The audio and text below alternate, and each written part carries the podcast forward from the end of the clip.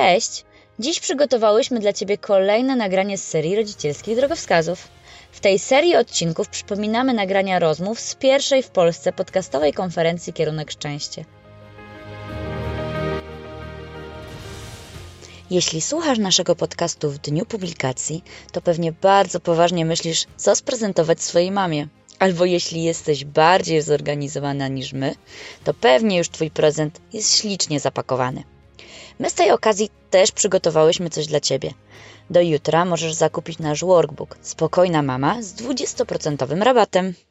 Workbook znajdziesz na stronie naszego internetowego sklepu www.rodzicielskidrogowskaz.pl, a pierwsze dwa rozdziały zupełnie za darmo możesz pobrać ze strony naszego podcastu www.rodzicemjestem.pl.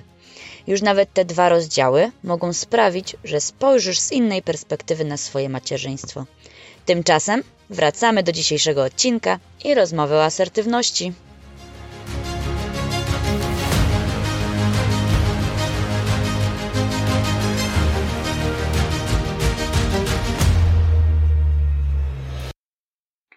Przy rozmowie dotyczącej proaktywności mówiłyśmy o tym, że powinnaś dokonywać wyborów reakcji zgodnych z Twoimi potrzebami.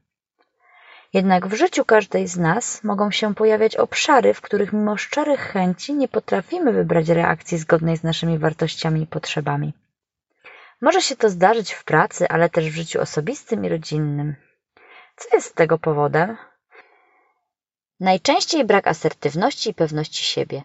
Nie mamy tutaj na myśli asertywności błędnie rozumianej jako sztuka mówienia nie. Wręcz przeciwnie, Naszym zdaniem asertywność to sztuka mówienia tak. Mówienia tak swoim potrzebom i granicom przy jednoczesnym uwzględnieniu potrzeb i granic innych. Mówiąc jeszcze prościej, asertywność to nic innego jak szacunek dla siebie i dla innych. Właśnie o to w tym wszystkim chodzi. O postawienie granicy w miejscu, w którym ty czujesz się dobrze z dokonanym wyborem, ale przy okazji nie krzywdzisz tym drugiej strony. Ta granica może być inna w zależności od sytuacji. Trudniej postawić granicę w życiu zawodowym i może ona być bardziej odsunięta od Twoich potrzeb. Szczególnie na początku pracy, kiedy jeszcze nie czujesz się pewnie w nowym miejscu i w nowych obowiązkach. Tak samo jest w rodzicielstwie. Głównie przy pierwszym dziecku. Wszystko jest dla Ciebie nowe, więc bardziej potrzebujesz wsparcia innych i może Ci trudniej przychodzić stawianie granic wszędzie tam, gdzie ktoś wtrąca się w Twój sposób wychowania. W obu przypadkach z czasem, kiedy nabierasz większego doświadczenia i czujesz się pewniej w swojej roli, asertywność może być dla Ciebie łatwiejsza. Jednak wtedy, paradoksalnie, może być trudniej ją wprowadzić. Wracając do pewności siebie, jeśli bardziej ufasz sobie, lepiej znasz siebie i swoją wartość, bardziej wierzysz w swoje umiejętności, to masz dobre fundamenty do budowania postawy asertywnej. Bez pewności siebie, naszym zdaniem, asertywność nie zaistnieje w Twoim życiu. W jaki sposób budować pewność siebie i asertywność? Co może nam pomagać, a co przeszkadzać? Odpowiedzi na te pytania znajdziesz w rozmowie z Moniką Wojtysiak, która na co dzień uczy kobiety, jak być pewnymi siebie i asertywnymi. Zapraszamy! Dzisiaj będę rozmawiać z Moniką Wojtysiak. Moniki nie poznałam osobiście, choć była ku temu okazja, okazja, bo miałam być u Moniki na szkoleniu właśnie w temacie asertywności i pewności siebie. Niestety wtedy się nie udało, ale dzisiaj będziemy miały okazję porozmawiać z Moniką o asertywności. Zanim przejdziemy do tej rozmowy, chciałam Monikę serdecznie przywitać. Cześć Monika. Cześć, witaj Sylwia bardzo serdecznie. I chciałam Ci również podziękować, że zgodziłaś się być częścią tego projektu, projektu dla rodziców, projektu dla mam i że właśnie poruszymy ten temat, który jest niezwykle ważny dla każdego rodzica, myślę w szczególności dla mam, które rozpoczynają swoją drogę w nowej roli, w roli mamy. Mhm. Zanim o asertywności, ja Cię tutaj króciutko przedstawiłam, ale Ty na pewno zrobisz to lepiej. Powiedz Monika, kim jesteś i czym na co dzień się zajmujesz? E, Sylwia, dziękuję bardzo w ogóle za tak miłe wprowadzenie. E, rzeczywiście nie miałyśmy okazji poznać się na warsztacie, ale myślę, że ten kontakt, który udało nam się nawiązać e, przez internet i teraz przez to dzisiejsze spotkanie jest równie, równie miłe, także dzięki, dzięki Ci wielkie za zaproszenie też do tej rozmowy. Mm, natomiast tak, jeżeli chodzi o mnie, kim jestem? Przede wszystkim jestem mamą i myślę, że to jest ta najważniejsza rola. E, zawodowo natomiast jestem właśnie, tak jak już wspomniałaś, trenerem i coachem biznesu, co oznacza, że na co dzień pracuję w korporacjach, ale również dla małych i średnich e, firm, e, szkoląc ich, pracuję z zespołami, ale także z menadżerami nad ich efektywnością i niejednokrotnie nad ich asertywnością. Jako coach pracuję także z kobietami, właśnie najczęściej w temacie asertywności, pewności siebie, wyznaczania sobie celów. W moim odczuciu jest to bardzo mocno ze sobą powiązane. Mhm. Nasza konferencja ma prowadzić nas małymi krokami poprzez budowanie nawyków do szczęścia, do szczęścia zdefiniowanego przez każdego z nas, bo każdy mhm. moim zdaniem ma swoją definicję szczęścia. Jaka jest Twoja definicja szczęścia? Czym jest dla Ciebie szczęście? Wiesz co, właśnie wyjęłaś mi to z ust w kontekście tego, że to szczęście dla każdego z nas oznacza co innego. Natomiast jeżeli chodzi o mnie, to dla mnie szczęście to jest chyba takie spełnienie. E, spełnienie w kontekście pogodzenia ról i funkcji, które w życiu pełnimy. E, ja osobiście pełnię kilka e, tych ról i myślę, jak każda z nas, tak naprawdę, z nas kobiet, zresztą każdy y, chyba człowiek, bo mężczyźni też. Mm, no ja jestem kobietą i dla mnie ważne jest to, żeby czuć się dobrze sama ze sobą i to jest taka podstawowa funkcja, którą mamy od urodzenia, e, którą ja mam od urodzenia.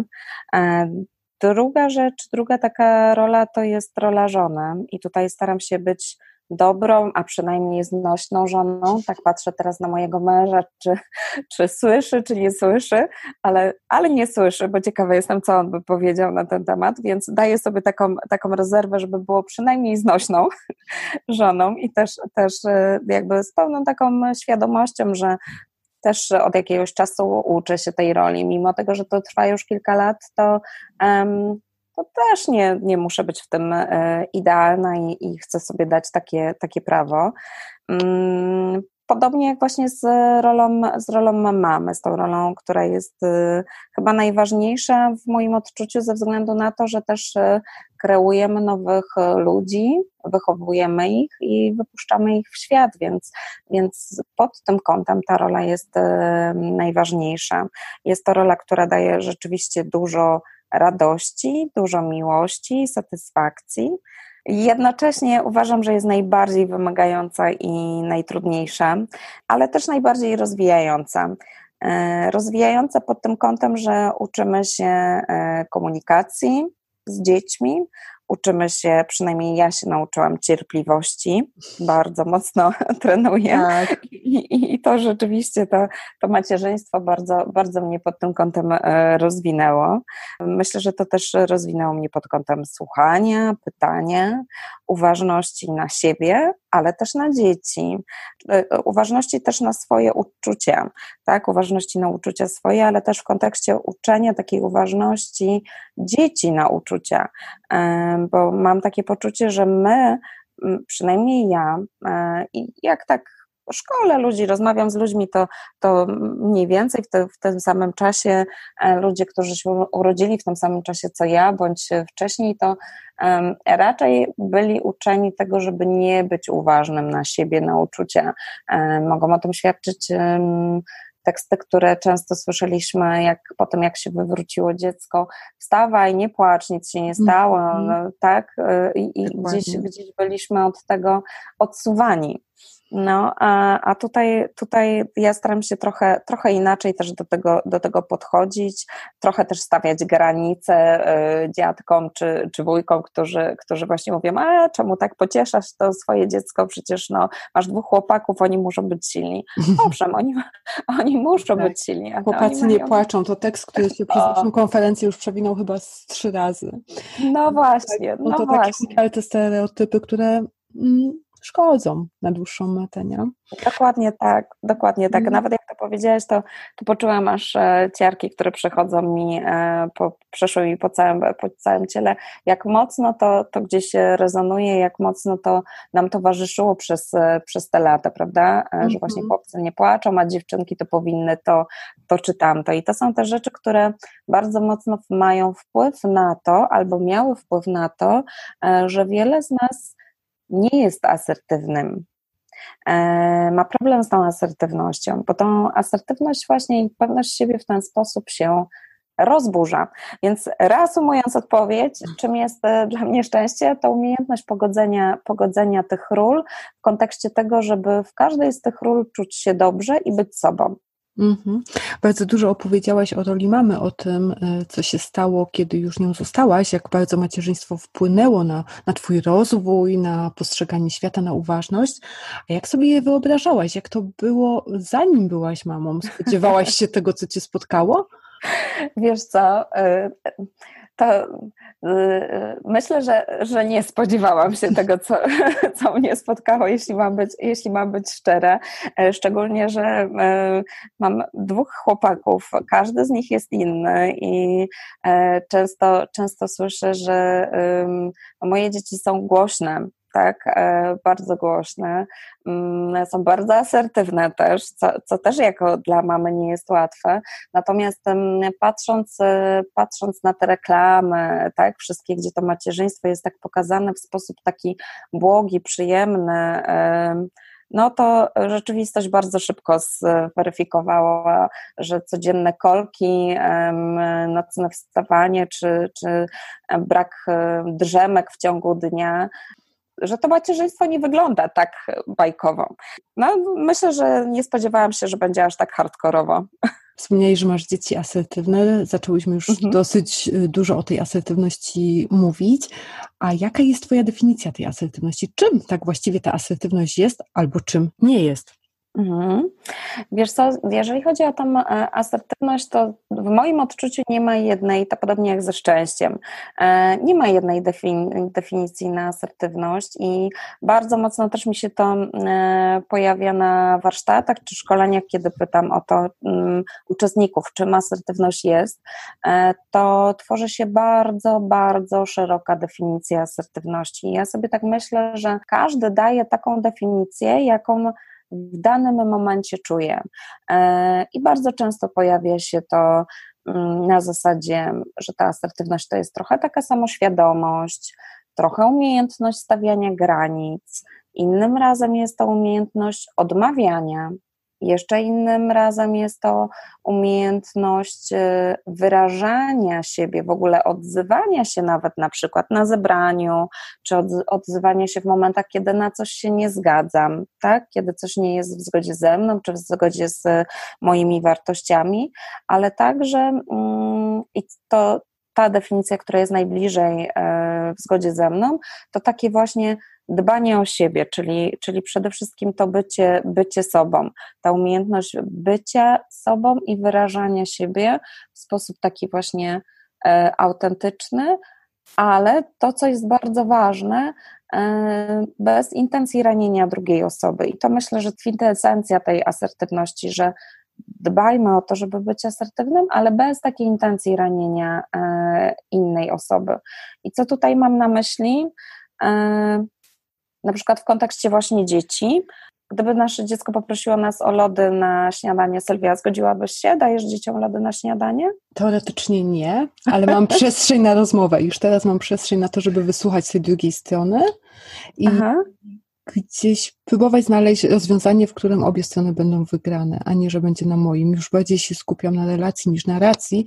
To jest hardkorowy przykład bardzo i akurat u mnie jedzenie jest też kwestią, e, z którą mieliśmy trochę przebojów, więc strzeliłaś w dziesiątkę.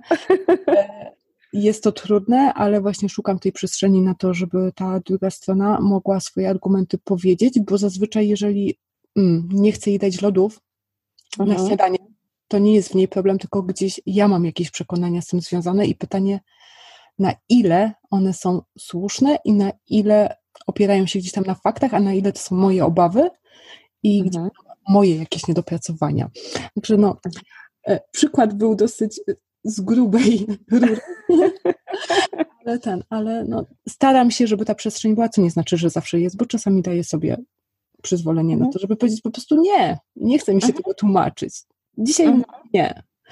Super, super właśnie mm, rzeczy, że, że dajesz tą przestrzeń na, na rozmowę, tak? Bo w kontekście właśnie szczególnie wychowania dzieci, to jest bardzo ważne, żeby nawet kiedy chcemy powiedzieć nie, e, słuchaj, w moim odczuciu najpierw ważne jest to, żebyś e, zjadł, zjadła coś konkretnego, tak? U mnie w domu bardzo często jest najpierw konkrety, potem maszkiety, tak? Jak przestałam mhm. na śląską, tak na śląską rodzinę.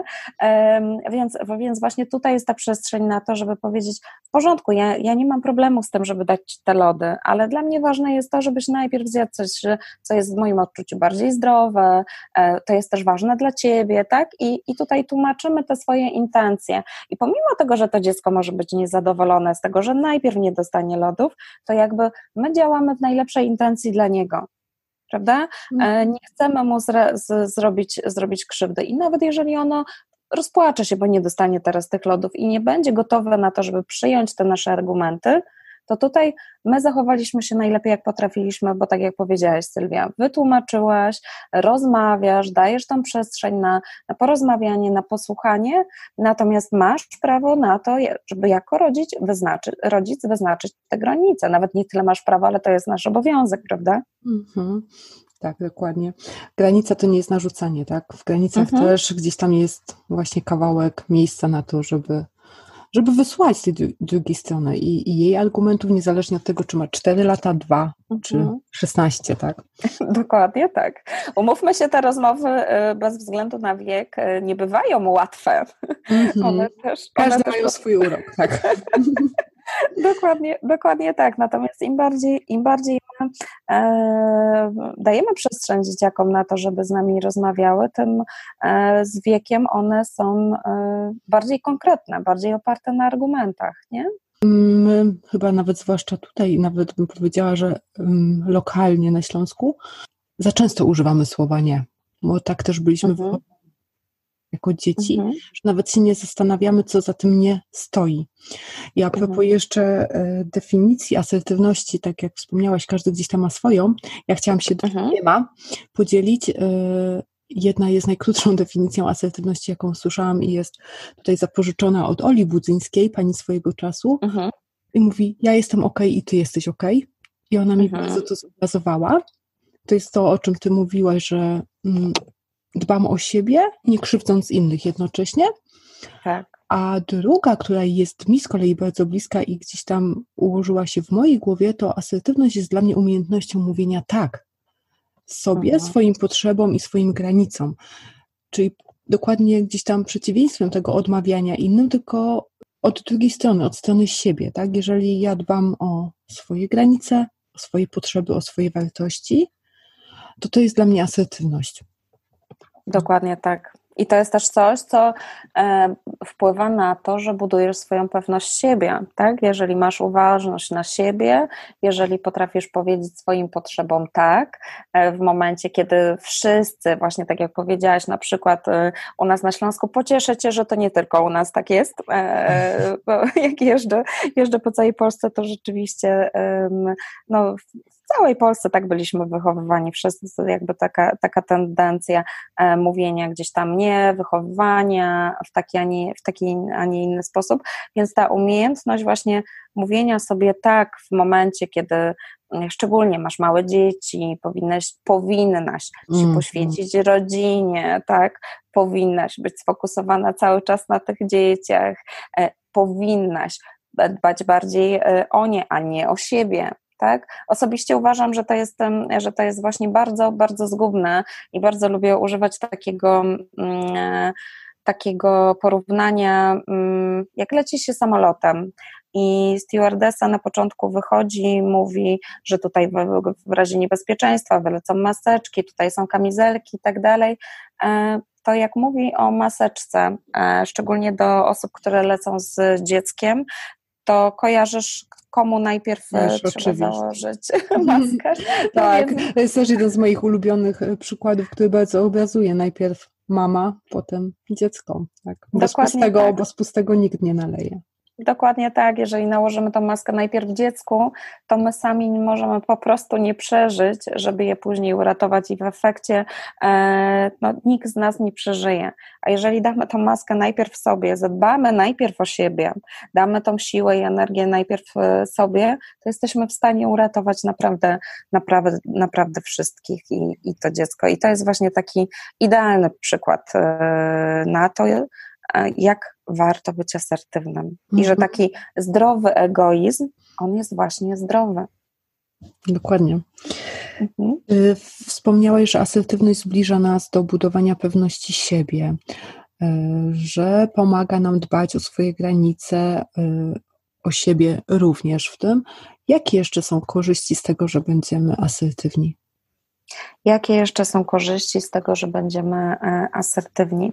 Wiesz co, przede wszystkim jest ich bardzo, bardzo dużo, e, bo tak jak powiedziałaś, to są korzyści związane właśnie z budowaniem pewności siebie. Jeżeli budujemy tą pewność siebie, e, to dużo łatwiej osiągamy pewne cele, bo mamy dużo większą wiarę w to, że nam się uda zrealizować, że mamy te zasoby, nawet nie tyle, że nam się uda, ale że my mamy zasoby do tego, żeby zrealizować te cele i mamy większą e, pewność siebie, większą determinację, większą e, tutaj umiejętność przede wszystkim planowania, takiego poczucia wpływu, ale też większą odporność psychiczną. E, która pozwala nam się też e, dużo łatwiej odnaleźć w rzeczywistości. Co za tym idzie, bywamy bardziej konsekwentni i, i bardziej zdeterminowani właśnie w tej realizacji mm, e, tych celów, a umow, umówmy się, w kontekście tutaj konferencji związanej z macierzyństwem, daje nam to dużo takie łatwiejsze, spokojniejsze e, możliwości wychowawcze. Tak, tak sobie myślę teraz, kiedy o tym rozmawiamy. Mhm. Jak możemy działać zgodnie z tym, co czujemy, a nie z tym, co nam narzuca. Dokładnie. Świat, otoczenie. Mhm. Środowisko, dokładnie. Środowisko, dokładnie. Tak. Mhm. Mm. Nie wiem jak, jak ty, ale mm, u mnie praca nad asertywnością to jest ciągła praca, mhm. która gdzieś tam się zaczęła kilka lat temu i nadal trwa i myślę, że jeszcze daleka droga przede mną. Mhm. Y, ja napotkałam dużo wyzwań i powiedz, jakie, jakie, jakich możemy się spodziewać, kiedy stwierdzamy tak, to jest kawałek, nad którym chcę pracować, to jest dla mnie ważne, chcę być asertywna i pewna siebie jakie czekają na nas wyzwania? E, to jest, wiesz co, bardzo dobre pytanie, bo myślę, że e, to, co już też wspomniałyśmy przed chwilą, możemy spotkać się z brakiem akceptacji naszego środowiska, czytaj naszych najbliższych.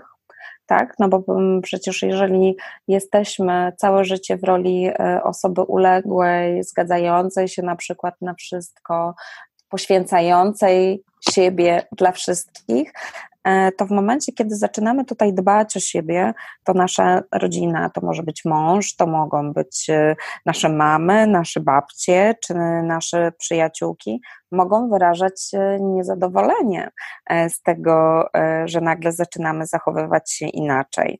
Ja osobiście niejednokrotnie usłyszałam, bo jako, jako trener jeżdżę po Polsce, zostawiając, y, właśnie, zobacz, zobacz co ja już mówię, zostawiając rodzinę, tak?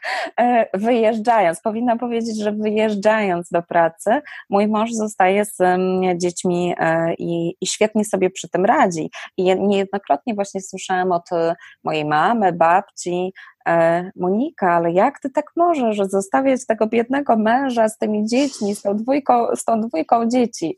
Ja mówię, ale hola, hola, przecież mój mąż też wyjeżdża w delegację. Dlaczego nikt wtedy nie zadzwoni do mnie i nade mną, nad, nade mną, w sensie nad kobietą się nie zastanowi, ojej, dlaczego ona taka biedna została sama z tą dwójką dzieci? Dlaczego ma być tak, że to e, mężczyźni mają w tym e, być tacy biedni, a dla nas to ma być takie, takie oczywiste? Przecież obydwoje jesteśmy rodzicami, obydwoje mamy te same prawa i o dziwo, obydwoje tak samo dobrze potrafimy się tymi dziećmi zająć. Ja myślę, że to też jest e, często w nas, kobietach, taki, e, hmm, takie wyzwanie, żeby Aha. jednak e, powiedzieć sobie, że ten tata potrafi to tak dobrze zrobić jak my. Tutaj też nie zawsze Aha. mamy na to przestrzeń i gotowość.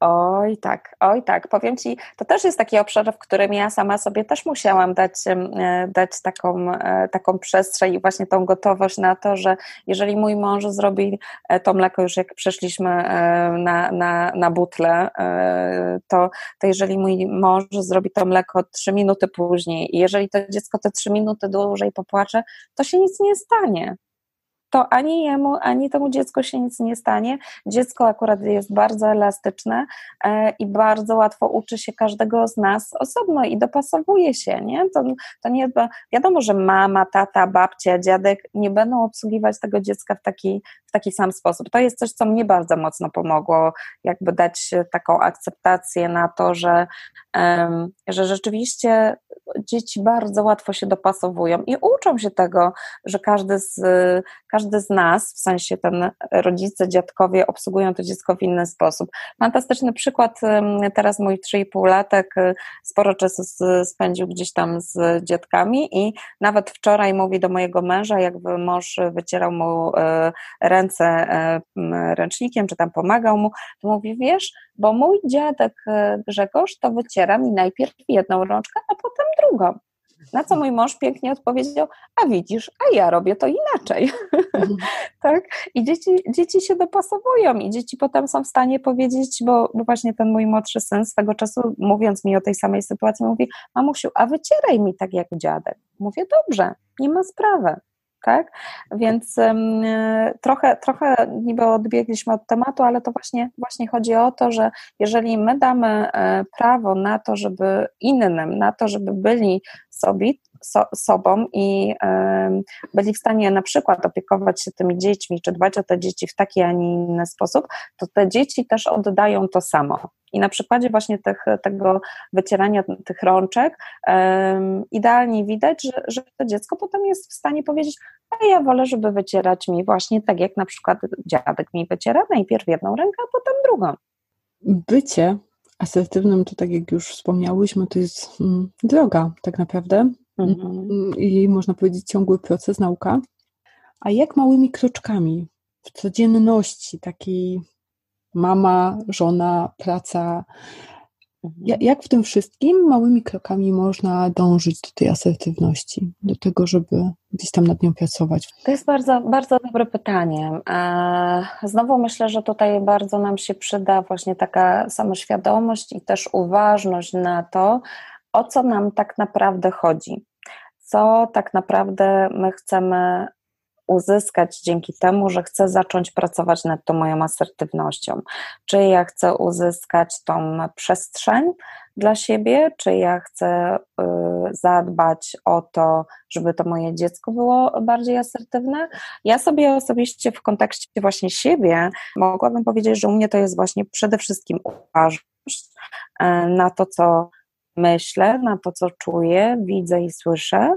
Y, kolejnym kroku to jest komunikowanie się z e, dziećmi, z mężem, komunikatem ja, czyli mówienia od siebie, właśnie tego, co ja w danej chwili myślę, co ja w danej chwili czuję, w odniesieniu do danego zachowania, tak? Czyli mm, e, tutaj mówienie na przykład jestem niezadowolona, kiedy nie e, posprzątasz, e, nie posprzątałeś swojego pokoju, pomimo tego, że umówiliśmy się na to, tak? Czyli bez takiego oceniania, że o, bo ty jesteś niedobry, nie słuchasz, bo, bo to czy tamto. Także ta, ta uważność na to, co czujemy i ten ten komunikat ja to takie, to takie pierwsze, pierwsze dwa, e, dwa ważne w moim odczuciu kroki.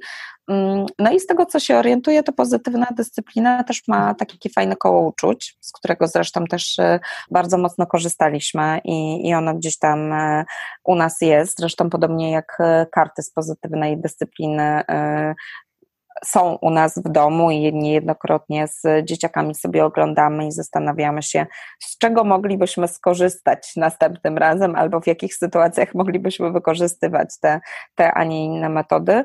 Mm, także z takich, z takich małych kroków to, to, to myślę, że właśnie te rzeczy. Mhm.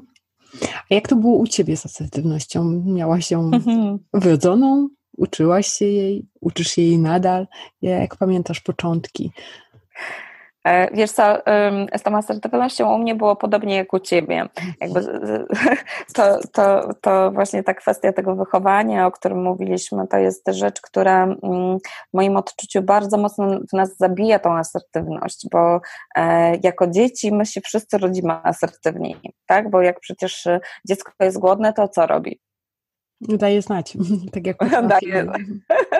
A że potrafi, nie potrafi mówić, to płacze, dokładnie, mm. tak?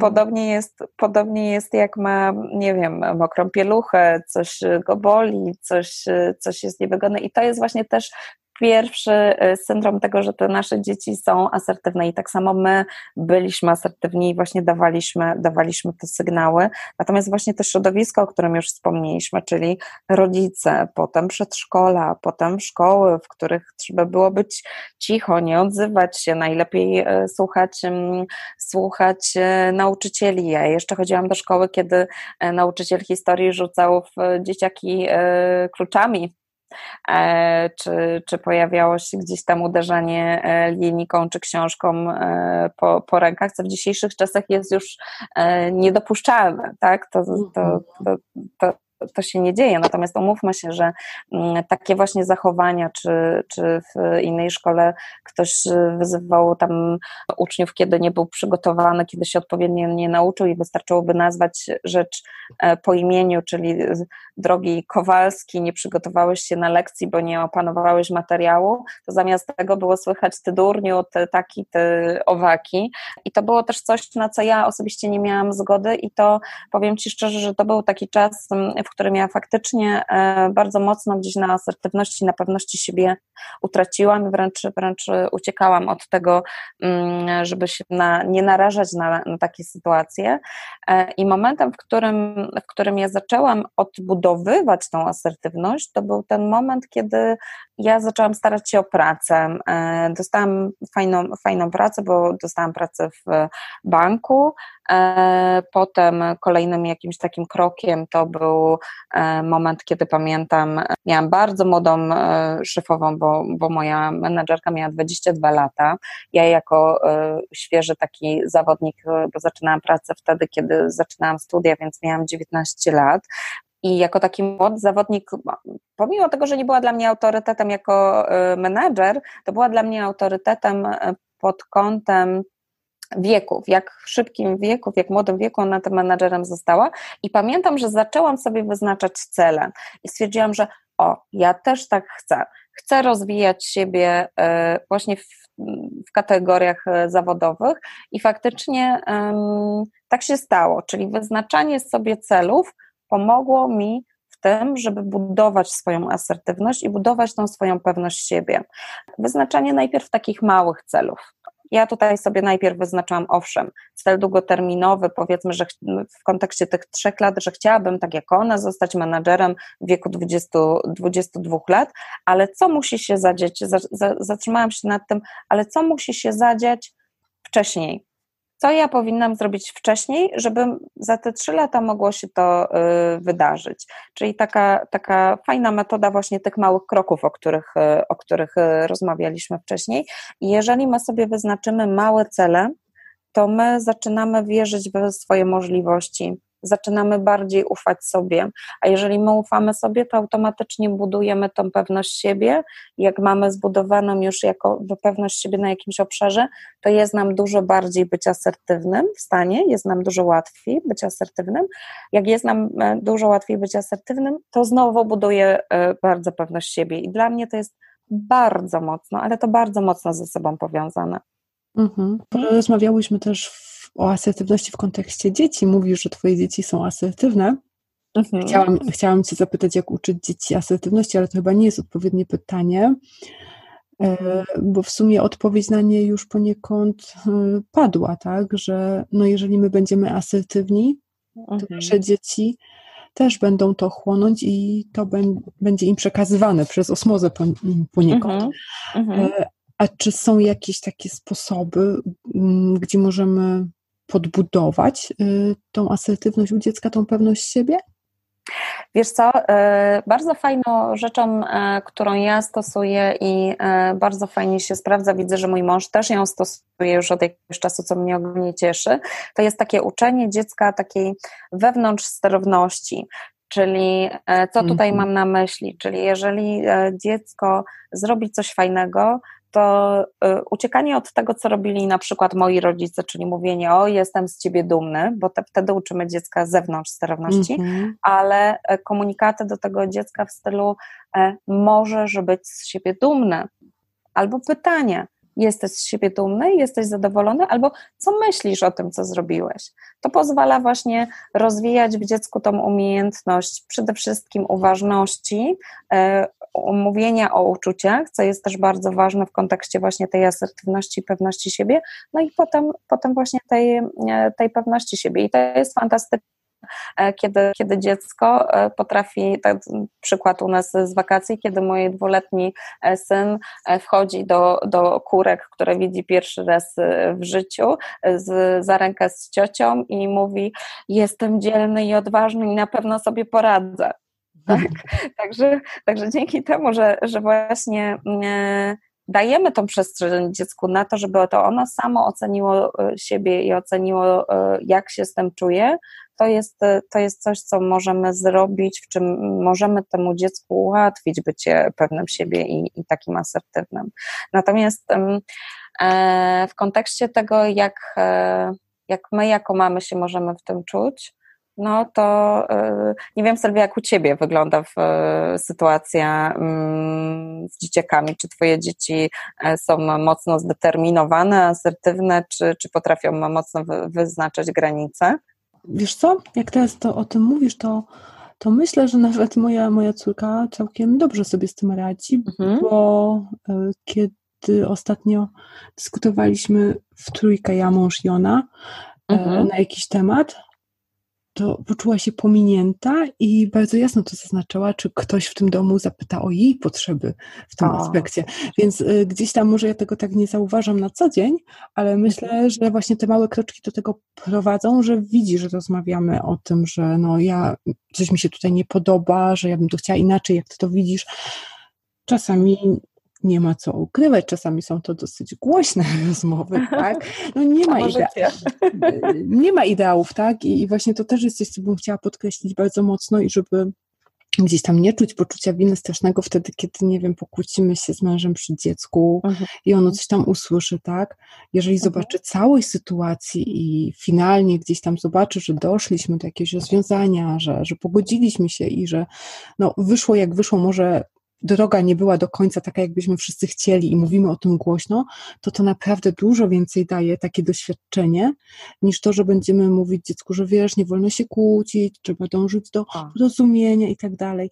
A ono widzi zupełnie co innego. No to, to jest takie, mm, to co, troszkę też, y, to co mówisz, taka wewnątrz i zewnątrz, zewnątrz sterowność, tak, że y, co innego mówimy, a co innego dziecko widzi. To jest w ogóle, w ogóle no, takie, no jesteśmy ludźmi, tak? Mamy prawo do błędów jak najbardziej i to też jest kolejna nauka, że dziecko uczy się, że można popełniać błędy i to nie jest koniec świata, czego nas do...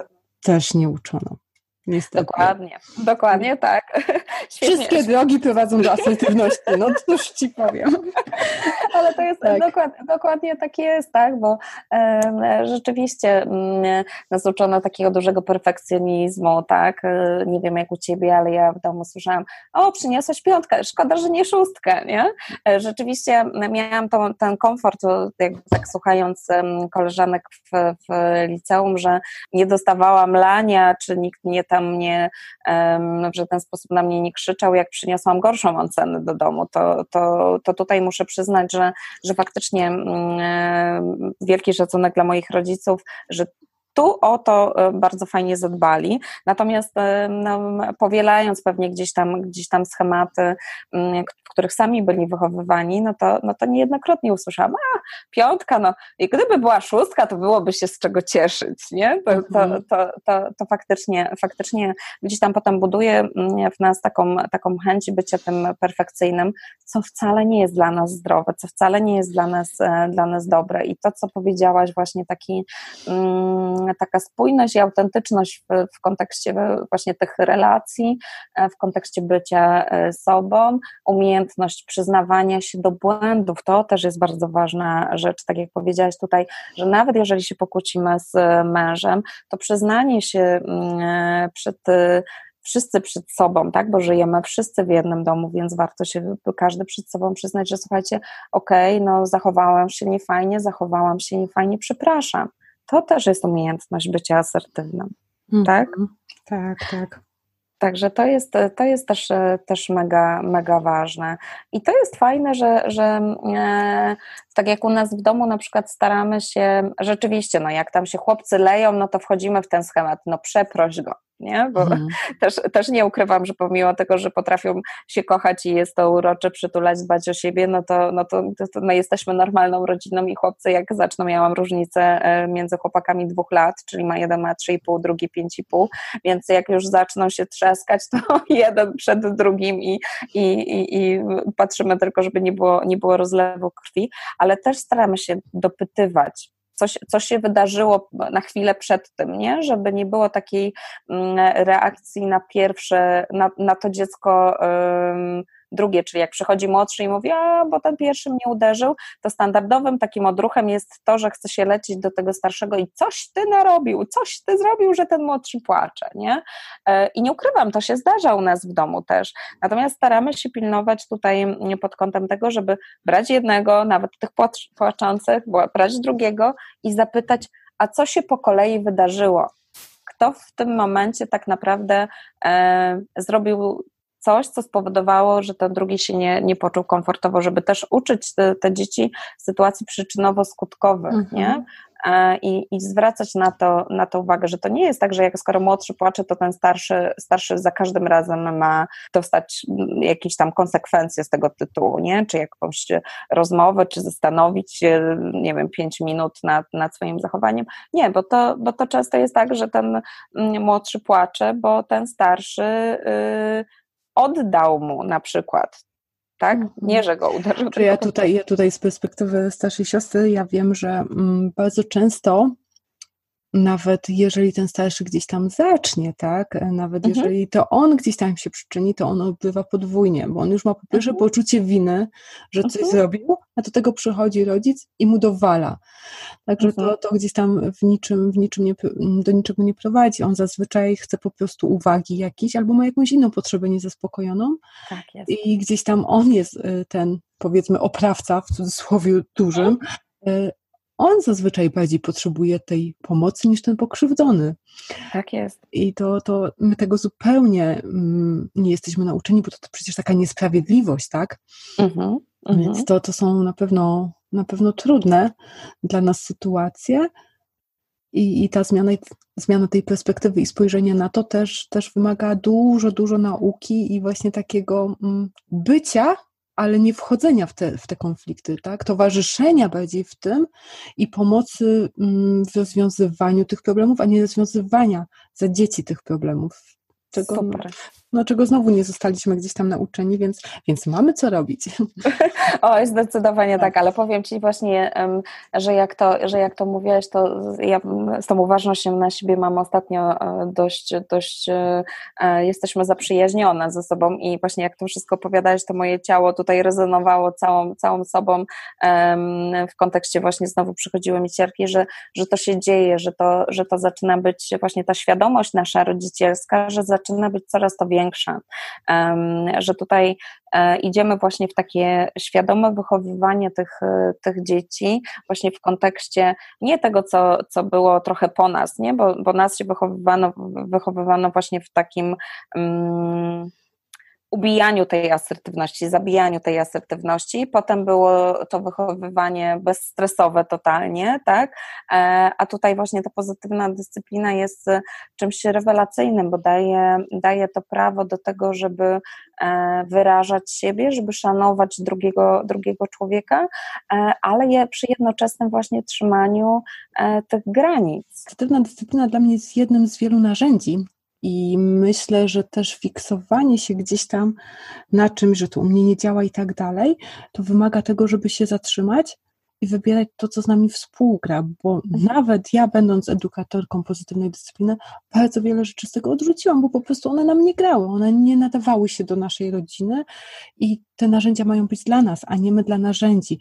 Myślę, że jest dużo możliwości, dużo rzeczy do wyboru, bardzo wiele fajnych rzeczy też przekazuje NVC, przekazuje mhm. właśnie pozytywna dyscyplina, rodzicielstwo bliskości ale nie we wszystkim musimy się od razu czuć dobrze. Być może to nie ten moment, być może to nie ten czas i na pewno coś, co mm, chcemy wdrożyć na siłę, to przyniesie tylko odwrotny skutek, tak? Dopasujmy narzędzia do nas, e, a nie, nie w drugą stronę, nie dopasowujmy się my do, do narzędzi, także właśnie w kontekście różnego rodzaju metod, powiedzmy, wychowawczych, to podążajmy przede wszystkim za sobą, nie? Tak, tak myślę, że to jest, jest gdzieś tam bardzo ważne.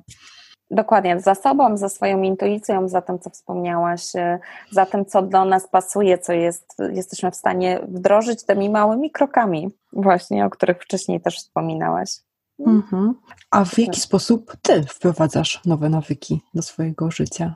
Wiesz co, znowu tutaj ta uważność i świadomość e, to jest, to jest e, to. I przede wszystkim, jak tak zastanawiam się teraz nad tym, to daję sobie chyba takie duże prawo do tego, żeby eksperymentować, żeby właśnie sprawdzać, jak mi jest z tym, co, e, co próbuję wprowadzić nowego, jak ja się w tym czuję, jak moja rodzina na to reaguje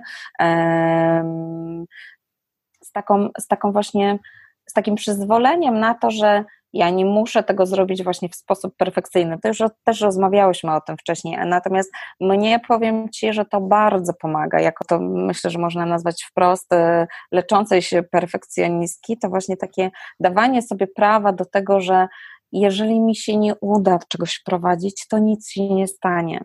E, z takim właśnie pełnym prawem do e, zgodą i akceptacją e, do tego, żeby nie być perfekcyjną, nie być doskonałą, właśnie nie być taką surową w stosunku do siebie, to jest coś, co daje mi ogromny spokój, duże poczucie bezpieczeństwa e, i pozwala na bycie mega autentyczną i, i bycie sobą. I to jest znowu coś, co wspiera właśnie tą, e, budu- wspiera i buduje tą asertywność i pewność siebie.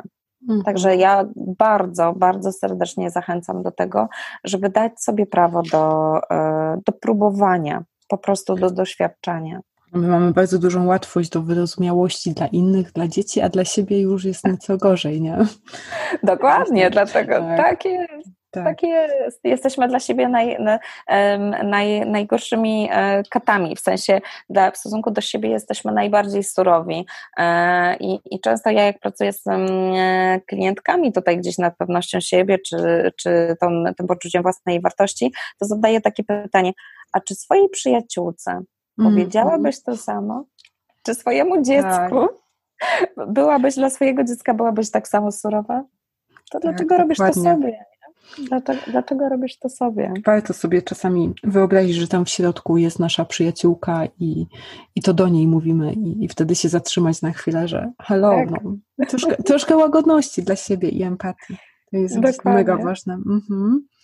Okej, okay, już dosyć dużo powiedziałeś gdzieś tam pomiędzy, pomiędzy wierszami na temat tego, w jaki sposób ty się sobą opiekujesz, a mhm. e, takie, które byś sposoby poleciła innym mamom, które mają mało czasu, są często mhm. zmęczone, jak w takich trudnych warunkach, jakby nie patrzeć, można o siebie zadbać. Mhm.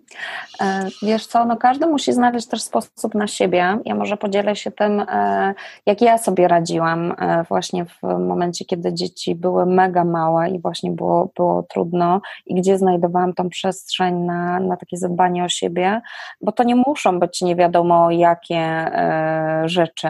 To, może, to mogą być naprawdę drobne, drobne kwestie, takie jak na przykład, nie wiem, kąpiel w pianie półgodzinna raz na jakiś czas, stres, tak, a nie tylko szybki prysznic, żeby, żeby się ogarnąć i, i, i lecieć do dziecka. Ja pamiętam, ja sobie te, te kąpiele łączyłam z serialem na, na telefonie, zresztą do dziś dnia tak, tak robię, że, że taka tutaj włącza się multi, multitasking tak zwany, tak, czyli, czyli ta przyjemność w kontekście właśnie czerpania przyjemności z bycia, z bycia gdzieś tam w pianie, plus jakiś serial czy, czy, czy film w tle.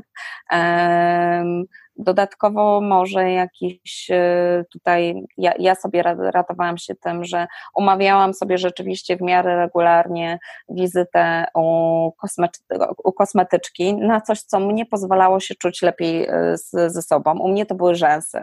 E, mnie to po prostu dodawało pewności siebie w 100%. Tak, do, do dziś dnia powtarzam, że rzęsy i obcasy to ja mam plus to do pewności siebie. Rano wstawałam, przy, szczególnie przy przy tym jak dzieciaki były takie kolkowe, ja nie musiałam się malować, nie musiałam robić oka, tak, to oko już było zrobione. I to, to była rzecz, którą ja znalazłam na siebie. E, więc rzeczywiście, jak miałam umówione te wizyty, to to też był ten czas, kiedy ja się mogłam od tych dzieci oderwać tak, że ja mhm. mogłam pobyć z kimś dorosłym, z kimś dorosłym porozmawiać yy, i, i wrócić stęskniona do tych dzieci, więc mnie jakby to, poza tym aspektem takiego samopoczucia, tego jak, jak sama się ze sobą czuję i jak wyglądam, to była jedna rzecz, a z drugiej strony właśnie to, to był ten obszar, który mnie pozwalał yy, zadbać o, o moją psychikę też, nie? Bo akurat dziewczyna, do której chodzę, jest y, bardzo, bardzo dobrą moją koleżanką, więc tutaj jakby na dwóch obszarach e, mm, załatwiałyśmy ten temat. E, właśnie spotkania z koleżankami, tak? E, to może być spotkanie przy piaskownicy z dziećmi również, ale to może być wyrwanie się z domu, nie wiem, na pół godziny, na jakiś, nie wiem, fitness, spacer, jakiś soczek, tak, jeżeli, jeżeli mama jest e, karmiąca. E, I, I myślę sobie, że takie też zadbanie o naszych mężów w, ty, w, ty, w tych sytuacjach też, też jest dobre. U nas e, też się zdarzało, że ja niejednokrotnie mówiłam do męża, no dobra, a może ty gdzieś tak w tym tygodniu też wyjdziesz, zrobisz coś dla siebie. nie wiem, pójdziesz na jakąś koszykówkę, umówisz się z kimś na, na piwo, żeby właśnie ta równowaga mogła, mogła gdzieś tutaj, gdzieś tutaj zadziałać. Mhm. No dzisiaj, dzisiaj na przykład y, pierwszy raz od y, naprawdę bardzo dawna jesteśmy z mężem sami, bez dzieci. Udało nam się sprzedać dzieci, z czego jesteśmy mega zadowoleni. E, nad, y, nad Polskim Morzem właśnie wyjechaliśmy, wyjechaliśmy na weekend, bo też stwierdziliśmy, że sytuacja, w której aktualnie jesteśmy, czyli takiego lockoutu, pracy, pracy z, da, z domu, bycia z dziećmi 24 godziny na, na dobę, bo wszyscy pracujemy w tej chwili z domu, dzieci mm, nie chodzą do przedszkola, no jest to też bardzo trudny, trudny czas e, dla nas. E, I powiem Ci, że my też pokonaliśmy jakby swoje, swoje granice, bo zostawiliśmy dwójkę naszych jeszcze dość małych dzieci z moim teściem i nawet wczoraj się zastanawialiśmy z mężem, jak, jak im tam będzie. Ja mówię, Piotrek, nieważne jak im będzie, przeżyją, ale my będziemy zdrowsi. To, co powiedziałeś, o czym też rozmawiałyśmy, że zazwyczaj y, te przekonania są gdzieś w nas, tak, że więcej się martwimy niż potrzeba, bo gdzieś tam u nas y, jest jakaś obawa, a dzieci pewnie mają się świetnie. Dokładnie tak, dokładnie, dokładnie tak jak mówisz, więc nawet jeżeli, nawet jeżeli, nie wiem, e, pójdą później spać, no to jej, no, są elastyczni, to o czym, o czym rozmawiałyśmy wcześniej, nic im się nie stanie, nie będzie to miało jakiegoś większego wpływu na ich życie. Mhm, Okej. Okay. E, powiedz jeszcze, Monika, czy jesteś w stanie polecić jakieś książki, e, które byłyby wsparciem dla nas, jeżeli chcieli, chcielibyśmy pracować nad swoją asertywnością, nad swoją pewnością siebie? Czy są jakieś takie, które wyjątkowo Cię urzekły i, i byś mhm. chętnie je poleciła? Jasne. E, jeżeli chodzi o, o nas dorosłych, no bo to tak jak mówiłyśmy, za, zaczynamy pracę od siebie, to bardzo serdecznie polecam książkę e, Trening Asertywności Marii e, Król Fijewskiej. To jest takie, myślę sobie, must have, od którego warto, warto zacząć. Drugą taką pozycją to jest pozycja W co grają ludzie Erika Berne. I trzecią pozycję, nad którą, którą można sobie przeczytać, to są mosty zamiast murów. Johna Stewarda to jest tak naprawdę opracowanie zbiorowe, natomiast te trzy książki to są takie książki, które rzeczywiście mi bardzo mocno w tej, w tej asertywności też pomogły. E, a pewnie kolejne pytanie będzie takie, że chcesz zapytać, czy jest coś dla dzieci. Ależ tak. Dokładnie, tak. Je, jest, mhm. coś dla, jest coś dla dzieci? Jak, jak najbardziej tak. Bardzo, bardzo fajnymi takimi pozycjami są mm, e, pozycje z takiej podserii Akceptuję, co czuję. To jest właśnie pewność siebie, akceptuję, co czuję, bądź moje emocje akceptuję, co czuję. Jeżeli jest jakaś opcja, to podeślę, podeślę Ci też te tytuły. Mm, Jasne. Mhm. E, I jeszcze takie, takie pozycje, właśnie ja i moje emocje. E, jestem wściekły, jak pokonać złość, e, oraz ja i moje emocje. Przestańcie się kłócić, jak przywrócić zgodę właśnie w momencie, kiedy, kiedy jest rodzeństwo. To, to takie, takie pozycje, które też bardzo fajnie znowu pokazują dzieciakom, jak te uczucia są ważne i uważność na te uczucia, umiejętność mówienia o tym, wyrażania ich, czyli tak naprawdę budowanie właśnie tej asertywności w taki, a nie inny sposób. Zanim zakończymy naszą rozmowę, chciałam Cię zapytać, czy jest coś, co chciałabyś powiedzieć na koniec, podsumować, coś, mhm. co chciałabyś przekazać każdej osobie, która nas w tej chwili będzie słuchać. Tak sobie teraz myślę, że rozmawiałyśmy o tym, że w budowaniu tej asertywności bardzo pomagają, e, pomaga wyznaczenie sobie celów, więc e, taka prośba ode mnie, zastanów się przez chwilę, co ty możesz zrobić dla siebie, jaki możesz sobie wyznaczyć cel w kontekście właśnie budowania tej asertywności, co może być takim pierwszym krokiem, który możesz e, zrobić, żeby zacząć wierzyć w siebie i ufać sobie. Pomyśl o tym, żeby to było określone w czasie, żeby miało możliwość sprawdzenia, żebyś ty miała możliwość e, sprawdzenia, czy to się zadziało, czyli ja tutaj zadaję zawsze takie pytanie, po czym poznasz, że to zrealizowałaś, zrealizowałeś do kiedy, do kiedy właśnie chcesz to, chcesz to zrobić, żeby, żeby było określone w czasie. No i bardzo ważna rzecz, jak się, na to nagro- jak się za to nagrodzisz. Mhm. I, I właśnie bardzo ważna rzecz, jak się za to nagrodzisz, e, bo to myślę, że to też dodaje nam takiej motywacji do tego, żeby mm, e, zrealizować e, to zadanie, ten, ten cel. Także, także to. I później pierwszy krok, bo ten jest najtrudniejszy, a reszta jest Dokładnie. Dokładnie. tak, tak. okej. Okay. E, bardzo Ci dziękuję. Zanim e, pozwolę Ci wrócić na te piękne widoki, to jeszcze powiedz, gdzie, gdzie mogą słuchacze Ciebie znaleźć, gdyby chcieli więcej tego, co dzisiaj nam przekazałaś? Gdzie są Twoje miejsca w sieci? Jeżeli chodzi o sieć, to na Facebooku i LinkedInie można mnie znaleźć z imienia i nazwiska, e, czyli Monika Wojtysiak. E, natomiast pod kątem właśnie tutaj e, marki, tego co robię, to jest Power Priest na, na Facebooku, na LinkedInie, nawet na Instagramie. E, także, także Power inspirujemy do rozwoju, e, tam, tam się pojawiają e, jakieś treści. Jeszcze nie ma ich tak dużo, jak, jak bym chciała, natomiast myślę, że to wszystko, to wszystko się za niedługo, za niedługo zmieni. Mhm. Okej. Okay. Bardzo Ci, Monika, dziękuję za dzisiejszą rozmowę. Cieszę się, że nasze ścieżki jednak się spotkały. E, dla mnie to była bardzo wartościowa rozmowa i mam nadzieję, że dla naszych słuchaczy też i że każdy z niej coś weźmie dla siebie, bo taki był cel tej rozmowy. Bardzo, bardzo Ci dziękuję i być może jeszcze kiedyś do usłyszenia. Albo zobaczenia, bo w sumie mamy blisko do siebie. Mamy, mamy tą możliwość. Sylwia, to ja, to ja Ci bardzo dziękuję. Dla mnie to też była ogromna, ogromna przyjemność e, rozmawiać z Tobą, tym bardziej, że czuję, że rzeczywiście pod wieloma względami jest nam bardzo blisko do siebie. E, i, i tutaj pod kątem nie tylko tej asertywności.